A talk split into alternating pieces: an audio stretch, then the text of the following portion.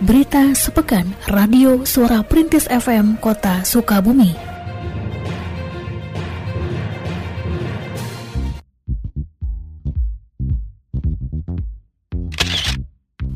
Hari Raya Idul Fitri 1443 Hijriah, pemerintah Provinsi Jawa Barat melalui Dinas Perindustrian dan Perdagangan atau Disperindak melaksanakan operasi Pasar Murah atau OPM bersubsidi di Kelurahan Baros pada hari Senin 25 April 2022. Wali Kota Sukabumi Ahmad Fahmi yang membuka jalannya pasar murah tersebut menyampaikan rasa terima kasihnya kepada pemerintah provinsi yang telah membantu lebih dari 2.000 kepala keluarga mempersiapkan diri menghadapi lebaran.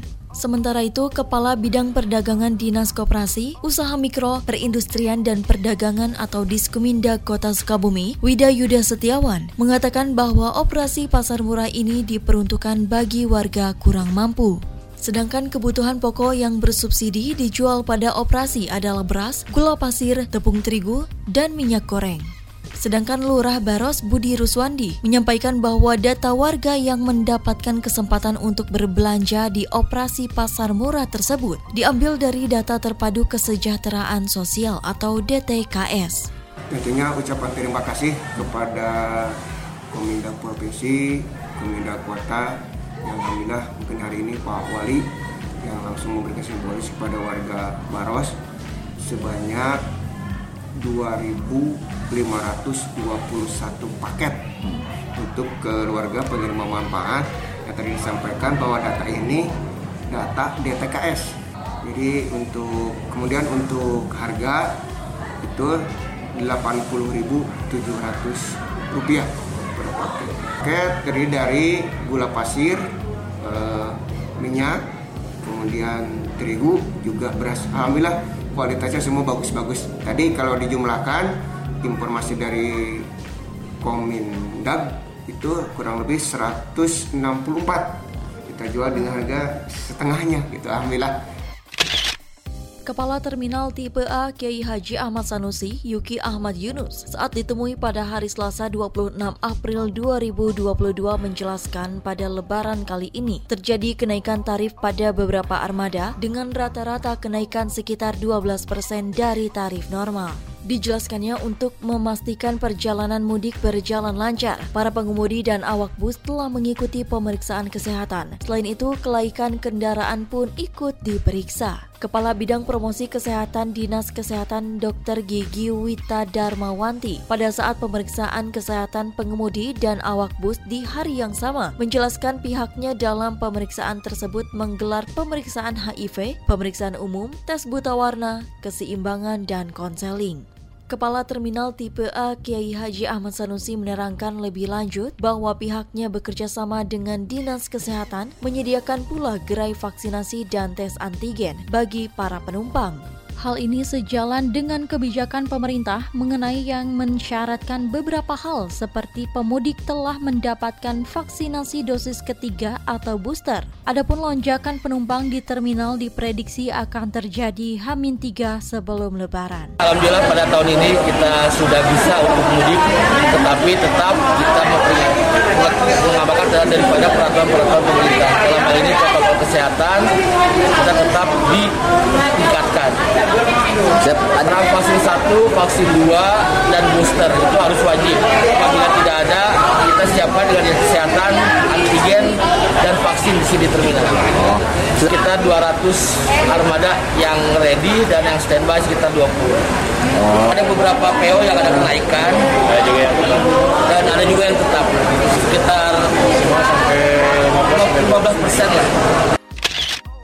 Peringatan Hari Kesiapsiagaan Bencana atau HKB yang diperingati setiap tanggal 26 April diisi dengan berbagai kegiatan dimulai dengan serah terima surat keputusan wali kota mengenai Forum Pengurangan Risiko Bencana atau FPRB. Kemudian menyalakan sirine dan keuntungan tepat pukul 10 waktu Indonesia Barat sebagai tanda kesiagaan menghadapi bencana. Kepala Seksi Kesiapsiagaan dan Pencegahan Bencana Badan Penanggulangan Bencana Daerah atau BPBD Kota Sukabumi, Zulkarnain Barhami, menerangkan bahwa peringatan HKB diisi pula dengan konvoi kampanye kesiapsiagaan bencana dengan rute dari kantor BPBD ke lapangan Renyah, Kelurahan Nanggeleng. Tujuan kegiatan ini adalah mengajak masyarakat untuk memiliki kesiapsiagaan terhadap bencana. Kegiatan lainnya yang dilakukan adalah apel aksi siaga bencana yang juga merupakan bagian dari pengamanan menjelang Idul Fitri 1443 Hijriah. Dijelaskannya, peringatan HKB memiliki fokus terhadap edukasi terkait budaya sadar bencana di daerah rawan bencana. Kesadaran ini harus dimulai dari individu, keluarga, komunitas, sampai lingkungan masyarakat. Ya, hari puncak kesiapsiagaan bencana kita sudah laksanakan. Diawali dengan pembacaan SK, SK Forum Pengurangan Risiko Bencana yang telah dibentuk. Kemudian setelah itu kita melakukan short match ya kampanye edukasi bencana di kota Sukabumi dengan melibatkan berbagai macam komunitas yang kurang lebih sebanyak 17 komunitas setelah kita melakukan konvoy di lapang terbuka, kita melakukan simulasi terhadap kejadian bencana yang ada di kota Sukabumi. Tampak beberapa korban yang perlu diselamatkan. Tim kesehatan membantu di lokasi kejadian. Setelah itu kita lanjutkan dengan acara peningkatan status ya yang kita kuatkan dengan Satgas Aksi Siaga Bencana yang berlangsung selama dua minggu atau dua pekan. Basnas Kota Sukabumi menargetkan untuk tahun 2022 atau Ramadan 1443 Hijriah, jumlah zakat fitrah yang terhimpun bisa mengalami peningkatan dari sebelumnya. Ketua Basnas Kota Sukabumi, Miftah Amir, seusai acara penyaluran bantuan di Balai Kota pada 26 April lalu, menyampaikan target diharapkan naik 300 persen dari tahun 2021 atau sekitar 4,5 miliar rupiah. Berupaya mencapai target tersebut, Basnas telah membentuk UPZ atau Unit Pengumpul Zakat di 430 Dewan Kemakmuran Masjid atau DKM. Dilakukan pula perubahan sistem penyaluran zakat, yakni 80% zakat fitrah yang terhimpun disalurkan langsung oleh DKM kepada warga yang berhak di lingkungan sekitarnya. Sedangkan 20% sisanya distorkan ke Basnas untuk subsidi silang bagi wilayah yang membutuhkan. Selain itu, Basnas pun menerjunkan para relawan sebagai upaya lainnya memenuhi target yang telah ditetapkan. Perubahan lainnya yang dilakukan adalah terkait peran pihak kecamatan dan kelurahan yang tahun ini tetap diserahi tugas untuk mengawasi penyaluran zakat fitrah tetapi dengan biaya operasional yang ditanggung langsung oleh Basnas. Ketua Basnas Kota Sukabumi juga menyampaikan penghimpunan zakat fitrah yang tahun ini ditetapkan sebesar Rp33.000 per jiwa. Dilakukan pula pada unit kerja pemerintah Kota Sukabumi. Diharapkan Hamin 1 Idul Fitri atau pada malam takbir, semua data mengenai penghimpunan zakat fitrah telah rampung terkumpul. Kami mentargetkan untuk tahun ini, kami menginginkan tercatat di Basnas Kota Sukabumi sekitar 50% dari jumlah penduduk, jadi sekitar 150 ribu jiwa. Nah, mudah-mudahan dengan sekarang saya coba pakai sistem baru yang menurunkan relawan langsung ke masyarakat ke UPJ Masjid ya, mudah-mudahan ada kenaikan 300 persen lah dari sekarang. tahun lalu 1,7 miliar. Sekarang saya target bisa masuk di angka 4,5 miliar. 4,5 miliar. Nah kami sudah mengupj kan hampir 430 DKM di Sukabumi dengan pola penyaluran 80% dikelola oleh mereka langsung di masyarakat dan 20% disetorkan ke basis untuk disubsidi silangkan.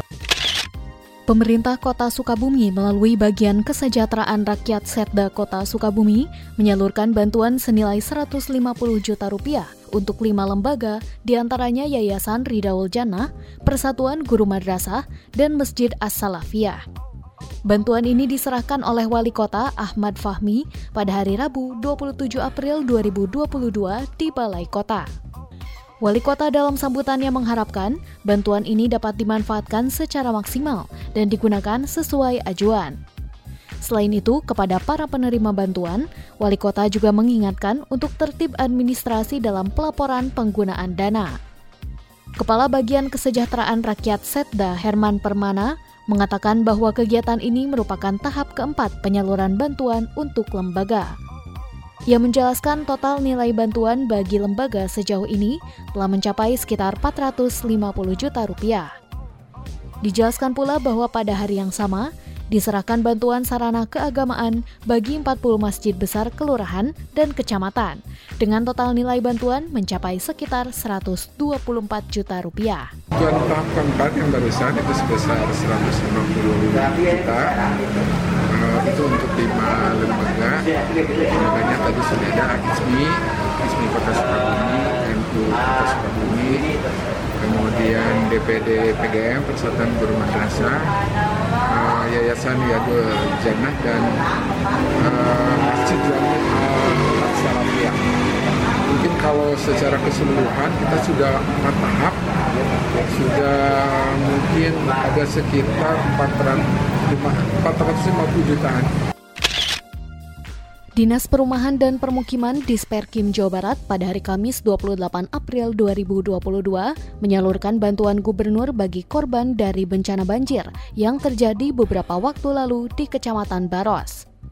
Turut hadir pada kesempatan tersebut di antaranya Wali Kota Sukabumi Ahmad Fahmi, Sekretaris Daerah Dida Sembada, dan Kepala BPBD Jawa Barat. Dalam sambutannya, Wali Kota mengatakan bahwa pemerintah Kota Sukabumi sangat berterima kasih kepada Gubernur dan pemerintah Provinsi Jawa Barat yang telah memberikan bantuan kepada korban banjir. Ia mengharapkan melalui bantuan yang langsung diserahkan kepada penerima dalam bentuk tabungan bank dengan jumlah bervariasi sesuai kebutuhan masing-masing, proses rehabilitasi infrastruktur rusak bisa segera dimulai. Sementara itu, Kepala Disperkim, Boy Iman Nugraha, mengatakan bahwa bantuan tersebut disalurkan melalui dua instansi, yakni Disperkim dan Dinas Sumber Daya Air Jawa Barat. Adapun besaran bantuan yang dikelola Disperkim adalah sekitar 611 juta rupiah yang diperuntukkan bagi 58 kepala keluarga.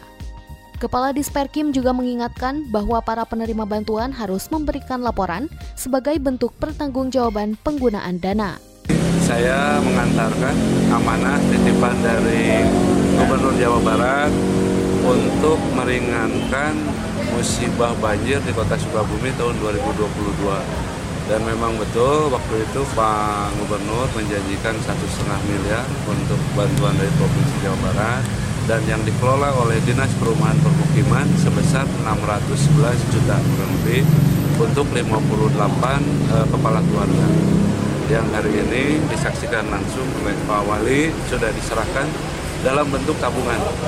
Jadi tidak ada e, berupa uang cash, semuanya sudah e, digital. Gitu ya. Jadi diterima oleh masyarakat langsung dan nanti digunakan oleh masyarakat langsung dan dipertanggungjawabkan langsung juga oleh penerima bantuan tersebut.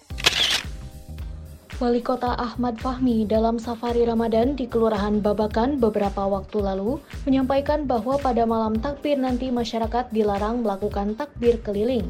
Pelaksanaan takbiran menurut Wali Kota cukup dilakukan di masjid dan musola yang berada di sekitar lingkungan warga. Kami berharap atas nama pemerintah Kota Sukabumi, para jamaah silakan melaksanakan kegiatan sholat Idul Fitri tetapi sholatnya di wilayah masing-masing. Di masjid atau lapak yang terdekat dengan rumahnya. Tidak perlu jamaah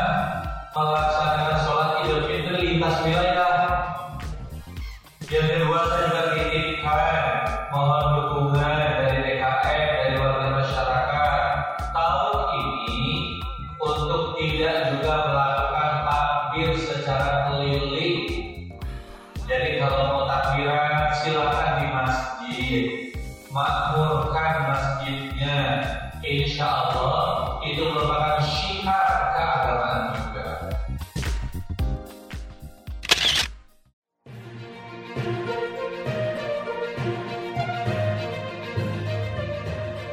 Berita sepekan Radio Suara Perintis FM Kota Sukabumi.